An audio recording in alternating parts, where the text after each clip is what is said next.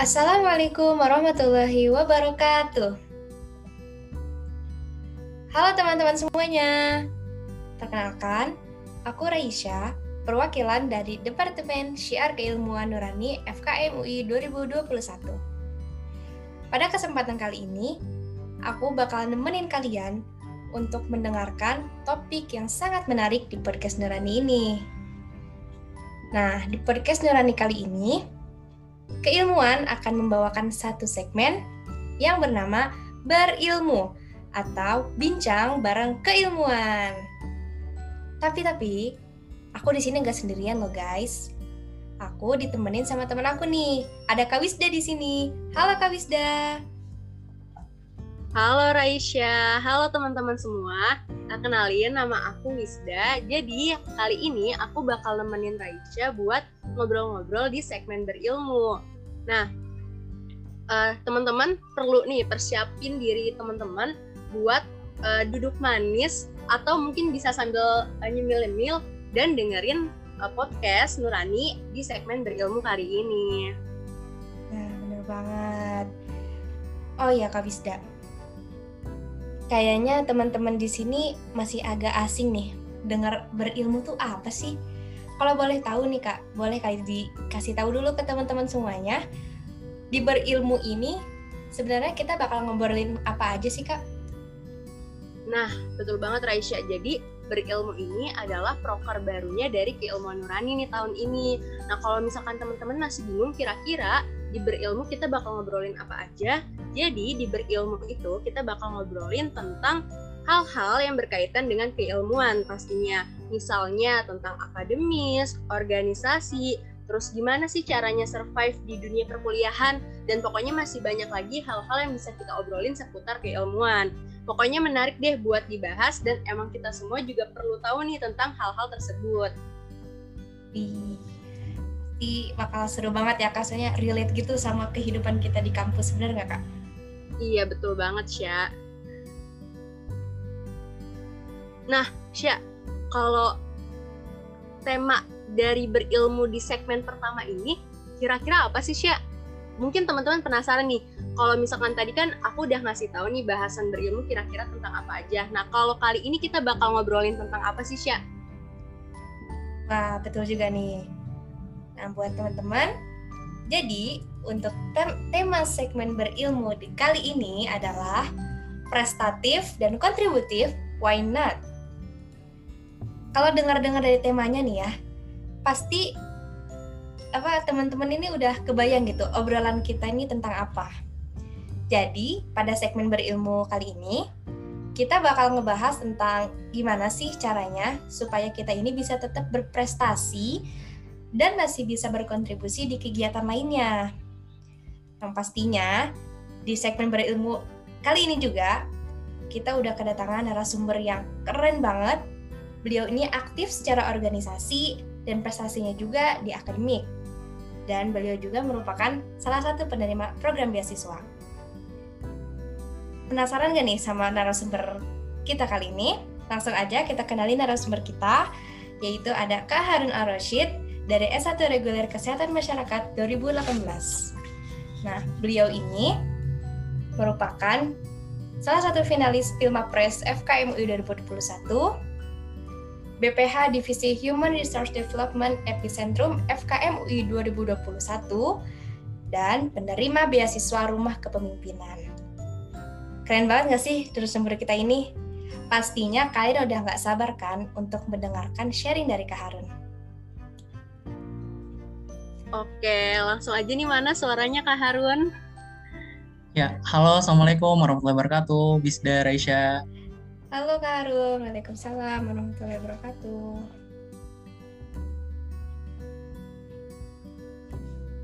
Ya, Kak Harun gimana nih kabarnya? Ya, aku baik, Alhamdulillah.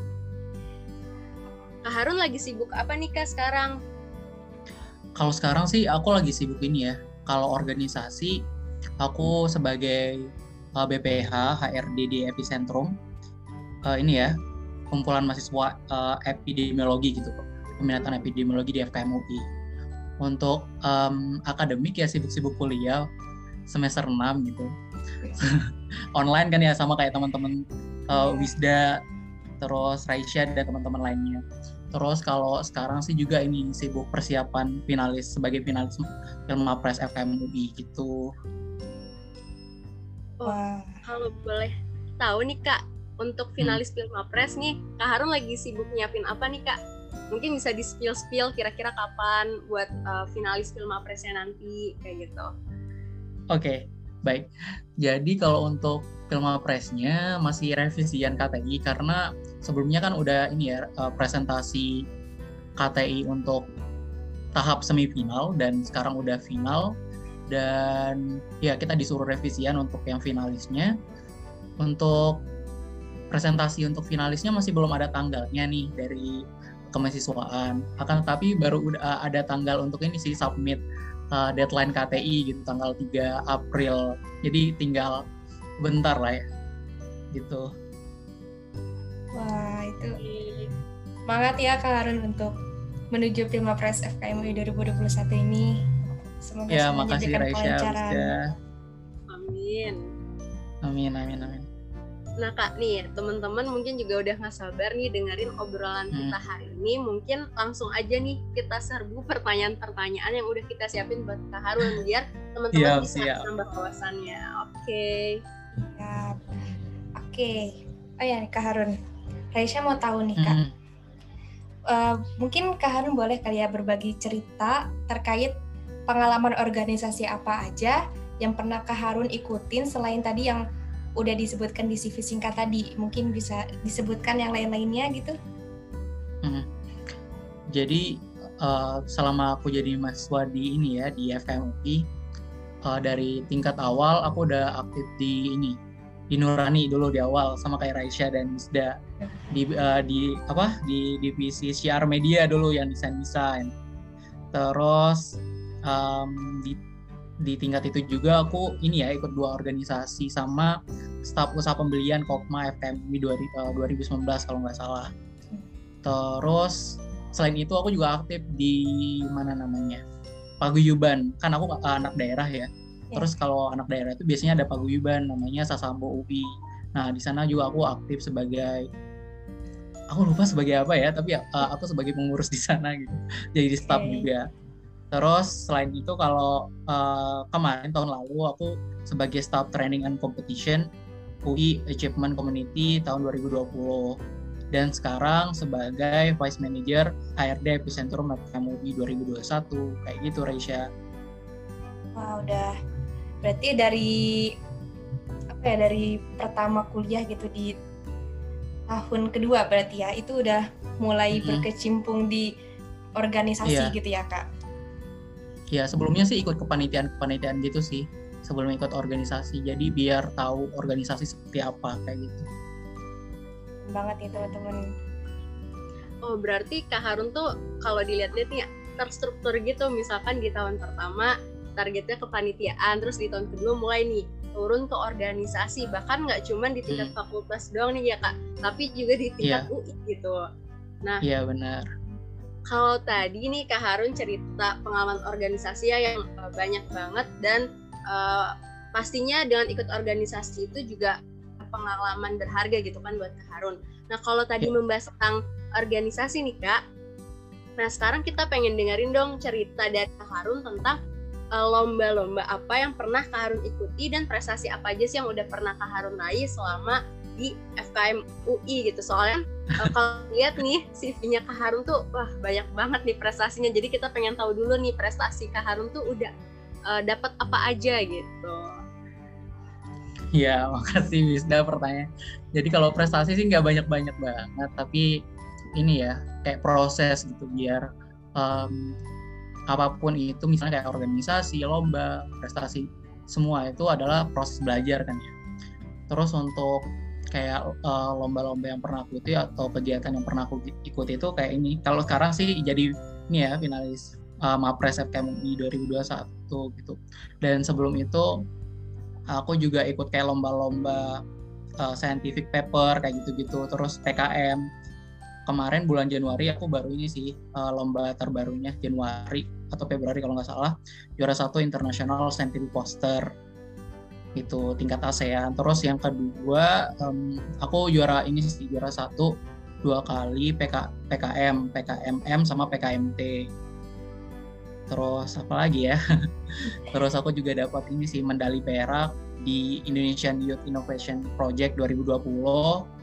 Kalau tahun 2019-nya aku ikut ini kegiatan yang diadakan oleh uh, Kementerian Luar Negeri RI gitu. Aku sebagai uh, apa ya youth delegation-nya lah gitu. Di acara First Indonesia Australia Interfaith Dialogue itu itu tuh acaranya antar apa ya dua negara antara Indonesia dan Australia kayak gitu. Kayak gitu sih kalau prestasinya wis wah masya Allah Kalo banget. lebih. wah keren banget. Nggak cuma di FKM tapi di UI dan juga di internasional. Merinding loh kak aku dengernya. Oke. okay. Ini baru pertama udah dibikin ini ya kak, waduh keren banget gitu ya. Iya betul banget. Kita tidak salah memilih narasumber nih siapa buat uh, segmen berilmu kali banget. ini. Aduh, bisa aja nih. bisa aja. Oh ya nih kak, aku juga nih kak ngekepoin Instagramnya Kak Harun. Nah aku hmm. tuh melihat kalau Kak Harun itu uh, kalau nggak salah ya Kak Harun tuh pernah ketemu sama Indonesia. Nah, kalau boleh tahu nih Kak ceritain dong, kok bisa sih sampai ketemu Pernah ketemu sama siapa Indonesia? tadi? Sama Presiden Indonesia. Oh ya. Hmm. Oke, okay. ya pernah tahun 2018. Uh, Alhamdulillah ya, aku juga nggak tahu kok bisa gitu. Aku ini kepilih jadi delegasi um, santri dari provinsiku, Provinsi Nusa Tenggara Barat di ajang Outstanding Youth for the World 2018 gitu di Sydney, Australia. Jadi ada berapa ya? 16 gitu perwakilan dari semua agama di Indonesia, tapi anak muda gitu. Dan di sana uh, di, uh, di jadi ada ada dua tempat ya pelatihannya gitu. Pertama aja kegiatannya. Pertama di Kemenlu Kemenlu sama saat uh, tempatnya yang lainnya di Sydney, Australia kayak gitu kalau di Kemenlu ini ya diajarin kayak shock culture gimana kayak uh, beradaptasi kayak gitu gitulah. Karena apa ya personally kan aku tuh anak desa ya teman-teman ya. Jadi kayak wah kagok sih ngelihat kayak orang-orang uh, lihat kota kayak gitu. Apalagi di luar negeri pertama kali kan kayak gitu. Terus uh, di Sydney ini surprise surprise-nya dari ini sih dari Kemenlu gitu. Kita nggak tahu kalau bakal ketemu presiden kayak gitu tapi di surprisein gitu kalau ketemu presiden sama perdana menteri Australia-nya gitu. Di acara KTT ASEAN waktu itu. Jadi apa ya wah kayak apa ya mimpi banget sih. Kayak bisa ngeplok bareng sama presiden terus kayak jadi kenal jadi terkenal sehari lah gitu. Terus sama apa ya banyak pengalaman pengalaman yang waktu itu. Waktu itu belum ini ya belum apa namanya uh, belum masuk FKM gitu. Masih oh. uh, udah lulus udah lulus udah lulus SMA tapi ini masih proses uh, SMPTN waktu itu kan belum pengumuman kayak gitu. Oh, kayak gitu sih jadi yang ngobrol bareng sama Pak Jokowi tentang toleransi di Indonesia. Kayak gitu Liz. oh mantep banget nih Kak Harun. Uh, jadi nggak nyangka ya Kak ikut kegiatan terus tiba-tiba ketemu sama orang-orang hebat gitu orang-orang hebat di Indonesia sama di luar negeri juga. Iya nggak percaya waktu itu. Karena ini bener-bener kita nggak tahu kan agentor agendanya itu apa?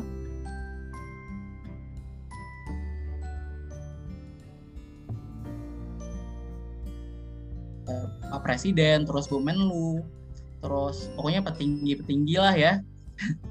Mungkin dulu aku nggak nggak banyak tahu gitu siapa aja tapi sekarang wah oh ternyata keren juga ya gitu. Ketemu orang-orang keren dulu gitu. Tapi karena karena masih masih apa deso lah ya masih deso banget nggak tahu apa-apa gitu.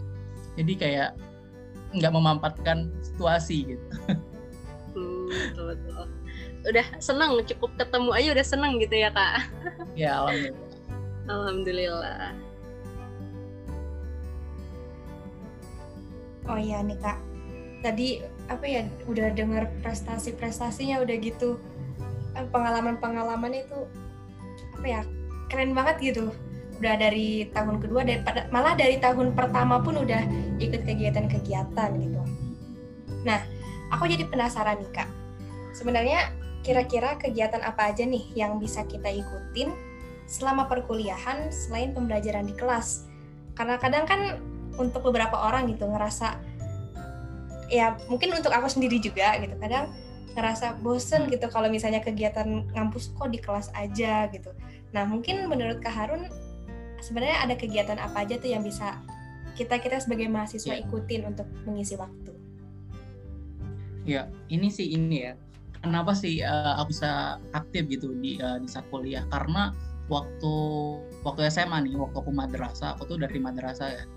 Terus mm, aktif banget gitu. Nggak yang aktif di OSIS kayak itu nggak. Cuma kayak ikut-ikut olimpiade gitu-gitu doang. Nah, terus nah itu yang pengen aku ubah gitu. Pas kuliah aku nggak mau kuliah-kuliah doang. Kuliah pulang, kuliah pulang atau kupu-kupu gitu pengennya sih lebih aktif ya gitu nggak yang kayak pas SMA kayak gitu makanya aku cobalah semuanya kayak gitu kepanitiaan organisasi konferensi terus lomba-lomba lainnya gitu biar soalnya kan ini ya kayak eh, nggak tahu kar- karena UI itu sebagai apa ya sebuah privilege bagi aku gitu. Empat tahun itu nggak nggak lama gitu. Ya udah makanya dimanfaatin aja.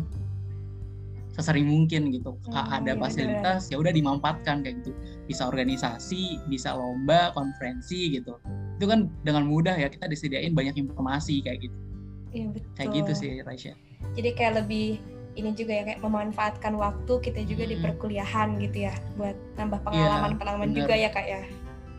ya buat pasca kampus juga kan Hmm, karena yang dilihat eh, apa ya pasca kampus itu nggak cuma apa ya kayak IPK atau gimana gitu tapi yang dilihat adalah pengalaman organisasi gitu eh, soft skill gitu soft skill kita kayak gitu terus kayak pengalaman kalau misalnya kalau eh, ini juga lomba-lomba juga penting sih gitu oh berarti ini orang berprestasi selama kuliah kayak gitu jadi Hmm, orang betul, bisa betul. ngeliat track recordnya kayak gitu Raisya bener banget sih. Jadi itu juga ya kembali untuk menambah pengalaman dan emang untuk memanfaatkan waktu Hmm. gitu ya.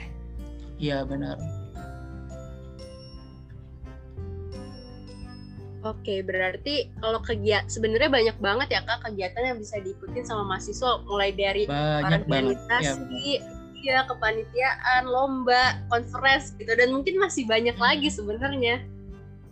apalagi sekarang kan online gitu jadi Iya betul. Kak. apa ya sebuah kesempatan besar sih buat teman-teman semua kayak memanfaatkan keadaan ini gitu karena lombanya kayak nggak perlu di jauh gitu cuma di rumah bisa lomba kayak gitu bisa dapat apa ya mungkin hadiahnya itu adalah sebuah, sebuah apa ya em, apresiasi lah ya buat kita yang udah berjuang gitu. Tapi yang penting adalah proses.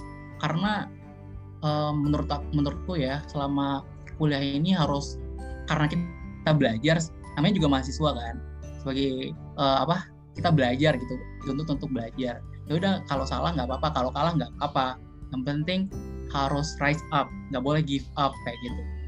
Karena a- ada quotes yang aku dapetin gitu apa ya kalau masa kuliah itu masa-masa untuk sering melakukan kesalahan gitu sering eh, jika kita sering melakukan kesalahan maka ke depannya kemungkinan untuk kita melakukan kesalahan akan kecil kan karena kita udah banyak tahu kan kayak gitu itu sih yang aku pegang kayak gitu sih wes Raisya Betul banget nih.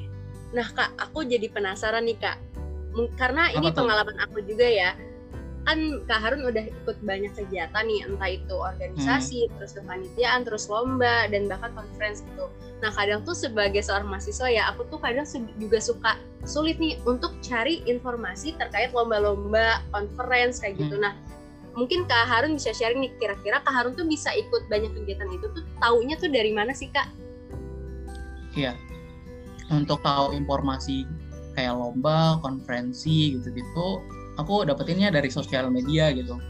Terutama Instagram ya. Instagram itu banyak banget kayak eh, apa informasi konferensi ada kayak gitu. Mau MUN, mau eh, lomba MUN, lomba eh, scientific paper gitu atau lomba esai gitu.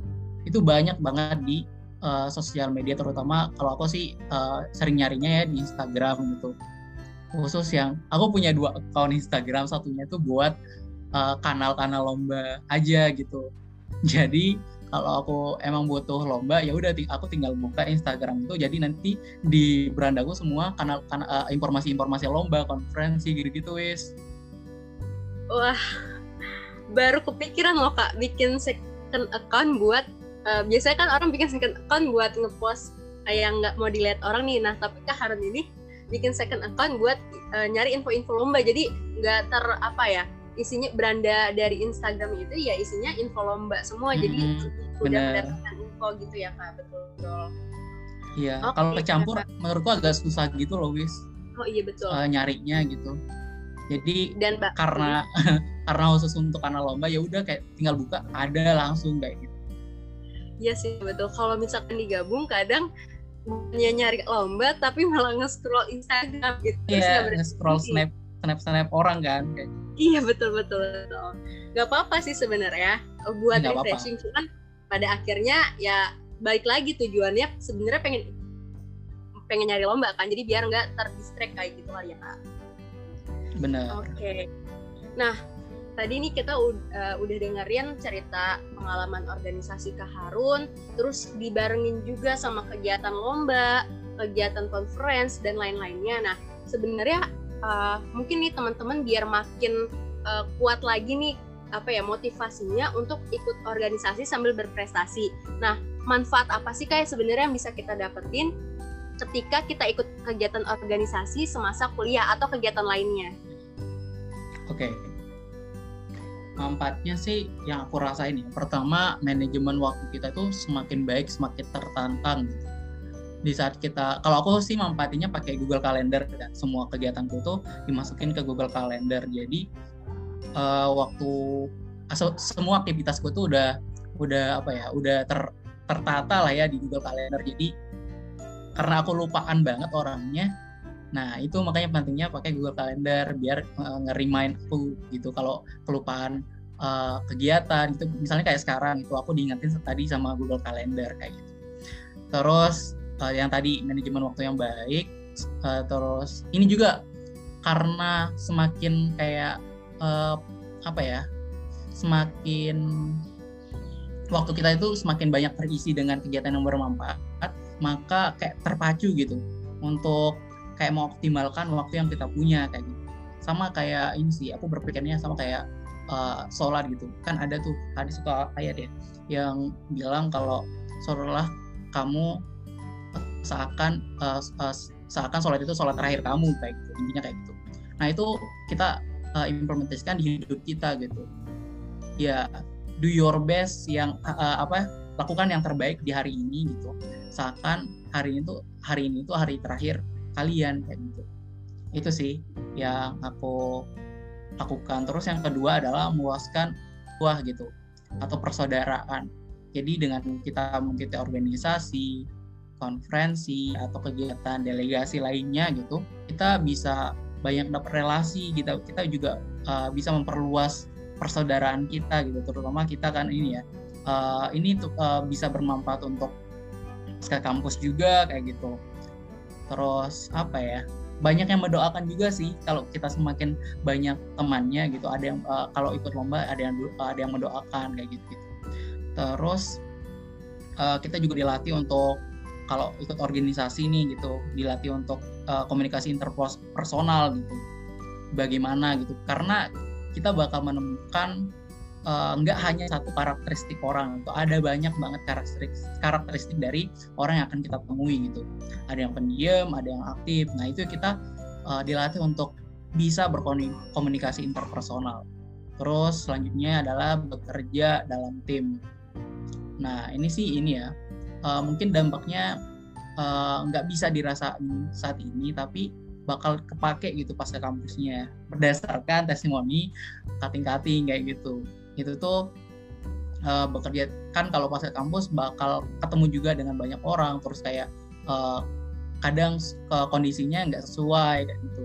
Yang tiba uh, ada ada tugas atau perintah dari atasan yang tiba-tiba gitu. Cara ngehandle-nya mungkin kayak gitu dan yang paling penting adalah uh, yang aku lakuin itu ada kayak uh, kuliah, organisasi, lomba-lomba, konferensi, delegasi gitu-gitu. tujuannya adalah belajar karena dengan kita melakukan banyak hal kita juga tahu banyak hal tersebut gitu oh gini ya misalnya kayak ngerasa aduh aku nggak bisa lomba nih aku nggak bisa bikin esai aku nggak bisa bikin KTI. Kalau kalau nggak pernah coba kita nggak bakal tahu kan kayak gimana cara bikin KTI atau esai kayak gitu. Mungkin pertama aku sering banget gagal ya aku sering banget gagal. Yang penting adalah coba lagi coba lagi nggak boleh menyerah nggak boleh give up kayak gitu. Karena kalau udah terbiasa kita tahu polanya kayak gimana pola KTI yang benar kayak gimana esai yang juara kayak gimana kayak gitu. Terus apa ya melatih um, yang tadi belajar pokoknya intinya belajar sih. Banyak-banyak ng ngelakuin kesalahan jadi manfaatnya ya biar biar apa ya biar banyak tahu sih sebenarnya. Jadi uh, ke depannya banyak pengalaman juga kayak gitu. Kayak gitu sih wis ya aku dapat uh, manfaat yang aku dapetin. Hmm, masya allah banget ya ternyata manfaatnya itu enggak cuma jangka pendek doang gitu ya kak. Dan emang sebenarnya ya, manfaat-manfaat yang tadi kak Harun sebutin itu uh, belum tentu terasa saat itu juga gitu. Bahkan uh, manfaat yeah. itu tuh bisa terasanya nanti ketika kita udah lulus kuliah terus turun nih di dunia kerja gitu. Nah manfaat-manfaat itu yang sebenarnya bisa kita rasakan di masa depan kayak gitu ya kak. Iya, sama ini sih satu lagi, Wis. Uh, kalau kita cuma kuliah doang gitu ya, kan waktu luangnya banyak ya, bener nggak? Ya, kalau misalnya iya, nggak ya, aktif gitu, kemungkinan untuk males-malesnya itu gede banget. Ya kan? Jadi kayak uh, waktu kayak waktu tidurnya itu banyak banget gitu. Terus kayak ya udah kayak malah tugas pun jadi deadline gitu. Padahal kan uh, waktu luangnya itu banyak gitu. Tapi nggak semua orang tapi kemungkinan besar gitu. Karena uh, kayak apa ya banyak banget orang-orang yang prostinate gitu yang menunda-nunda kayak gitu kan. Makanya kalau uh, waktu uh, setiap hari waktunya terisi dengan banyak banget aktivitas yang bermanfaat insya Allah sih bakal kayak terbiasa gitu. Dari sekarang sampai ke depannya kayak gitu guys. Ah, iya bener banget sih kak. Uh, aku jadi inget ini sih kak dari mentor aku gitu. Um, beliau mengingatkan kalau misalkan cuman ada dua kemungkinan nih waktu yang kita gunakan dalam kehidupan kita. Kalau nggak buat kebaikan ya pasti itu buat keburukan gitu betul nggak hmm, sih kak? Ya bener bener banget. Hmm. Jadi ya sebaik mungkin mungkin kita bi harus bisa memanfaatkan waktu gitu kak dengan ikut kegiatan-kegiatan yang emang positif gitu. Oke. Okay. lanjut nih mungkin dari Rasya ada yang mau ditanya. Ini sih ke kak Harun. Ya boleh Rasya kasih dong ini kak. Ternyata apa ya tadi dengar manfaat yang bisa kita dapatkan ini cukup banyak ya kak ya. Mulai dari manajemen waktunya dan kita apa ya dengan mengikuti kegiatan-kegiatan itu tuh menjadi apa ladang belajar juga gitu kan buat kita yang bisa kita rasakan sekarang ataupun buat pasca kampus nanti. Uh, oh iya kak, sebenarnya dengan ikut organisasi atau kegiatan-kegiatan di luar perkuliahan itu bisa bikin prestasi kita turun nggak sih kak, terutama di perakademikan gitu. Soalnya kan ada hmm. beberapa hmm. alasan gitu dari orang-orang, terutama aku sendiri kadang suka mikir, suka maju mundur kalau mau ikut kegiatan lain di luar perkuliahan takutnya tuh nggak bisa apa seimbang sama akademik yang ntar malah dampaknya tuh akademiknya turun nah kalau menurut kak Harun tuh gimana nih kak? Oke, okay. um, oke. Okay. Apakah berorganisasi itu membuat prestasi kita menjadi turun, terutama akademik ya? Ya. Uh, mungkin ini juga yang aku pikirin dulu gitu. Se kayak semester kayak udah kan, udah udah apa sih namanya udah coba organisasi dan kayak ngerasa aduh ada yang turun nih nilainya ini gara-gara organisasi enggak ya? Gitu. Sempat mikir juga kayak gitu tapi uh, karena apa ya introspeksi diri kontemplasi lagi gitu jadi buat apa sih berorganisasi gitu? Apa sih tujuannya? Kayak gitu. Jadi apa ya menurutku sih yang tadi ya dengan kita berorganisasi belum tentu prestasi kita menurun gitu karena kita semakin terpacu untuk uh, apa ya mengisi waktu kita tuh jadi uh, lebih baik lagi bermanfaat kayak gitu gitu dihabiskan dengan hal-hal yang positif kayak gitu. Terus di saat kayak menurutku ya di saat kayak, kayak kita menyalahkan organisasi gitu sebagai alasan uh, prestasi akademik kita menurun sebenarnya bukan bukan salah salah organisasi gitu tapi salah kita yang tidak uh, belum bisa untuk manajemen waktu yang baik kayak gitu. Karena yang dulu aku rasain ya karena uh, manajemen waktu tuh walau dulu itu bobrok banget sih gitu. Jadi kayak sering uh, multitasking. Uh, Raisya sama ini pasti ini sering denger kan ya? Yeah. uh, multitasking gitu istilah sering istilah sering. nyambi nyambi nah, kak. Iya betul. Iya nyambi nyambi gitu. Nah sebenarnya uh, multitasking itu nggak nggak ada gitu yang aku baca ya nggak ada nggak ada yang bisa. Gitu. hanya saja kita berpindah dari satu tugas ke tugas lain padahal tugas uh, tugas satu aja belum kelar gitu. Tugas lain juga belum kelar jadi semuanya nggak optimal kan kayak gitu. Jadi iya kan? Jadi nomaden ya, sebenarnya multitasking itu nggak bisa gitu. Kita cuma kayak beralasan eh, ini lagi multitasking nih nyambi gitu. Padahal kita nggak bisa gitu.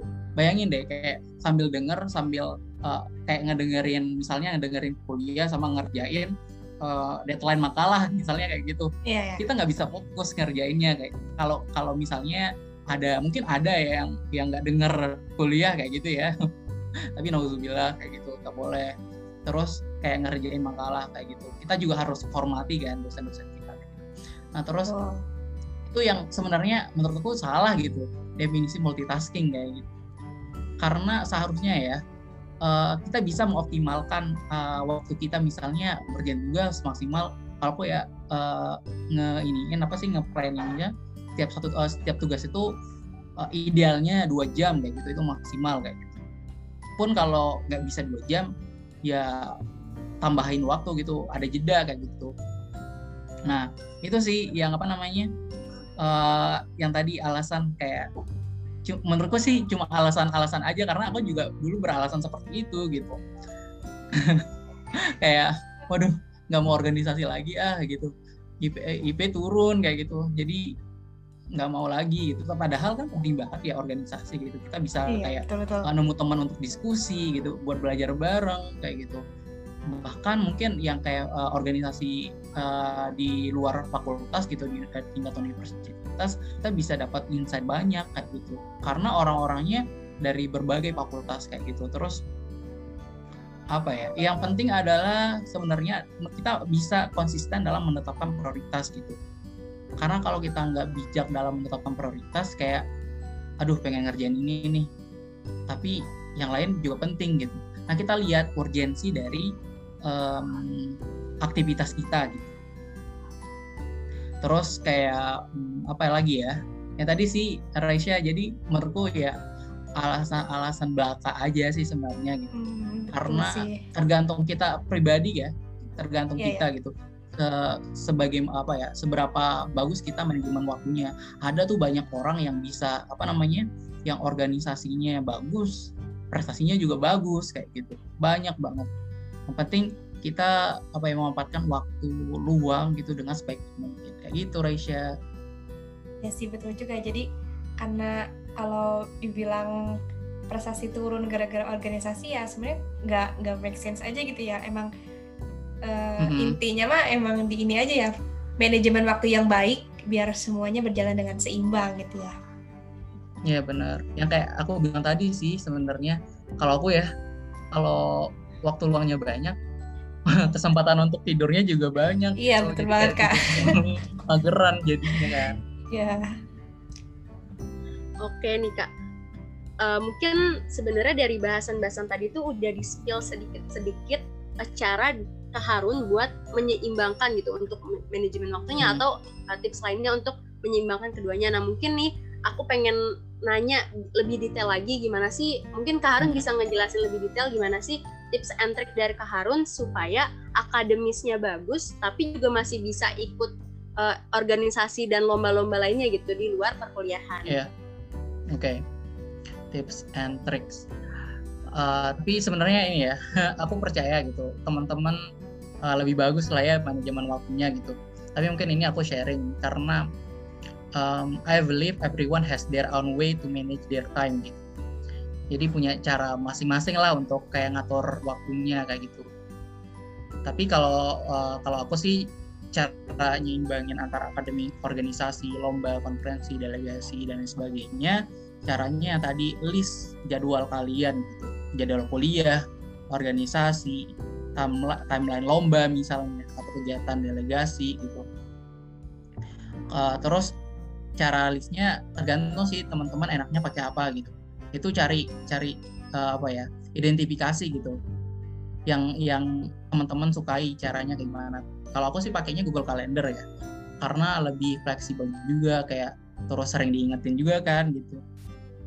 Itu sih yang ngebantu banget Google Calendar. Terus um, apalagi ya?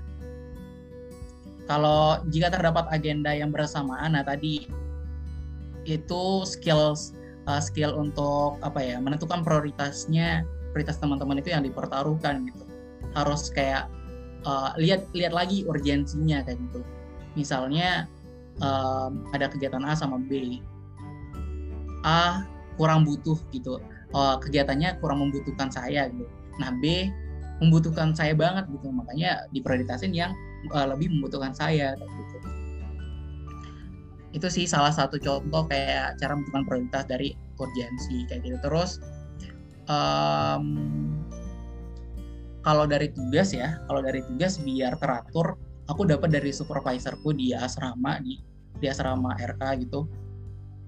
Uh, dia tuh ngajarin pakai metode Jepang namanya simple kanban.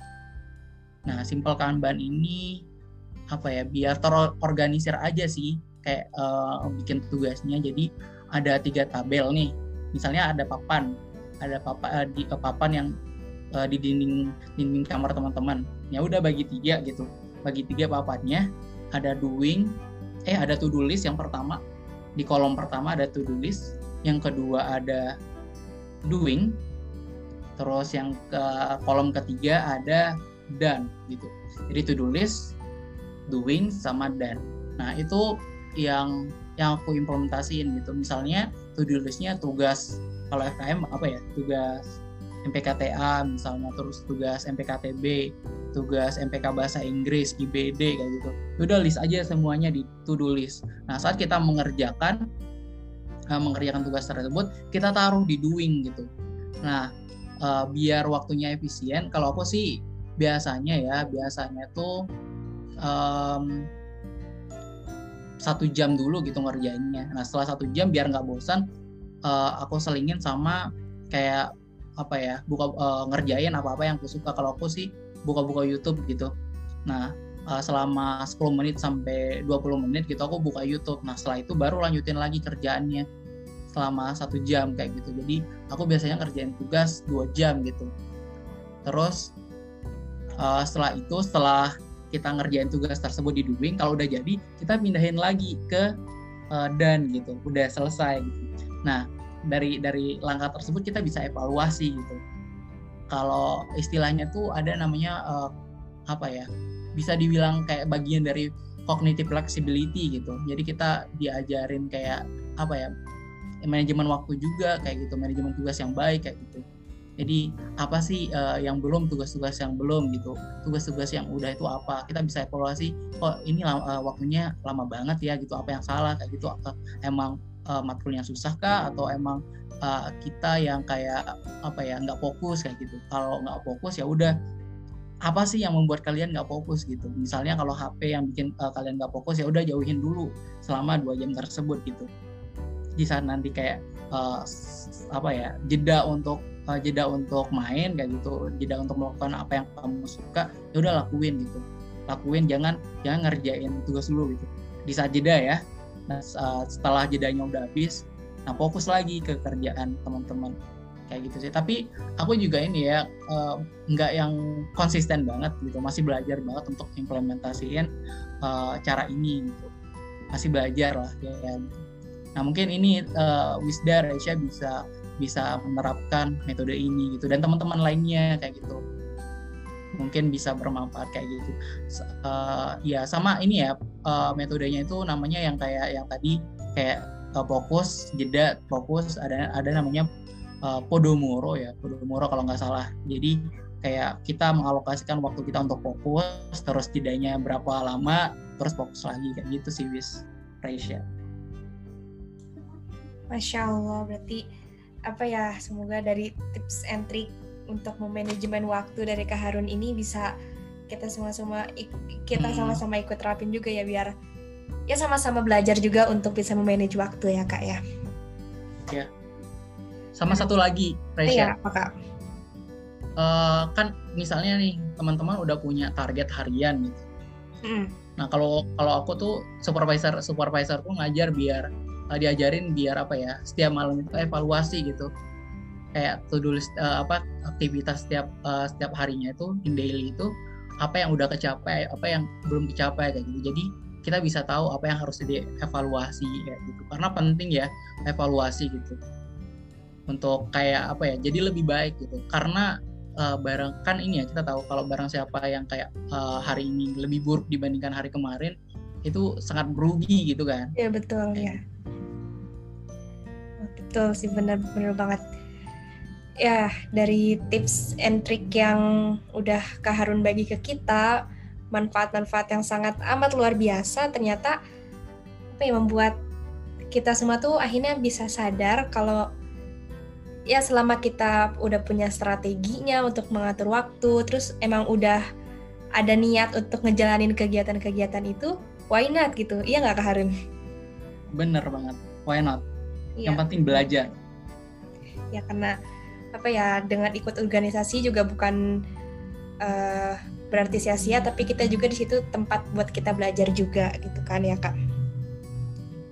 bener bener banget Nah, kalau yang bisa aku simpulin dari apa sharing-sharing kita sama Kak Harun kali ini, ternyata sebagai mahasiswa itu kita nggak cuma tentang duduk di kelas dan mendengarkan perkuliahan, tapi masih banyak loh kegiatan yang bisa kita ikuti sebagai mahasiswa, yang pastinya dengan kegiatan-kegiatan itu tuh bisa membantu kita untuk mengembangkan potensi dan minat kita. Misalnya dengan ikut perlombaan, ikut konferensi dan organisasi. Meskipun apa ya kayak sekarang keadaannya lagi online juga bukan penghalang ya kak buat ikut kegiatan-kegiatan itu. Hmm, bener bener banget. Iya dan semua hal tersebut juga sebenarnya bisa dijalani dengan seimbang tetap maksimal dua-duanya. Selama kita ini punya strategi yang tepat khususnya strategi dalam manajemen waktu tadi gitu. Nah semoga obrolan dari Kak Harun ini bisa dijadikan salah satu motivasi dan referensi untuk teman-teman semua buat menjalani kehidupan perkuliahan supaya nggak ya terkesan monoton dan pastinya memberikan prestasi dan kontribusi buat orang-orang di sekitar dan juga dari kita sendiri pastinya. Wah, masya Allah banget ya, Raisya. Obrolan kita nih di segmen berilmu kali ini tuh sangat bermanfaat gitu. Aku pun jadi banyak dapat insight baru gitu. Nah, makasih banyak nih buat Kak Harun yang udah mau nemenin di ilmuwan buat ngobrol-ngobrol di berilmu dan ngasih banyak insight baru buat kita semua. Nah, eh, terakhir banget nih Kak, aku mau dong eh, minta tolong ke Kak Harun buat ngasih apa ya istilahnya kalimat penyemangat mungkin buat kita kita semua sebagai penutup dari segmen berilmu kali ini. Oke, kalimat penyemangat ya. Oke, semoga bisa menyemangat, menyemangati uh, Wisda, Raisya, dan teman-teman. Empat tahun di UI itu bukan waktu yang lama. Kalau empat tahun itu diisi cuma kuliah, akan terasa bosan. Karena ada banyak banget peluang di depan kita. Ada konferensi, lomba, delegasi, dan sebagainya itu adalah peluang untuk kita menjadi lebih baik lagi. Untuk masalah salah nggak apa-apa, untuk masalah kalah nggak apa-apa. Yang penting coba lagi, karena namanya kita sebagai penuntut ilmu ya, tolabul ilmi gitu. Kita itu adalah suatu bagian dari proses belajar.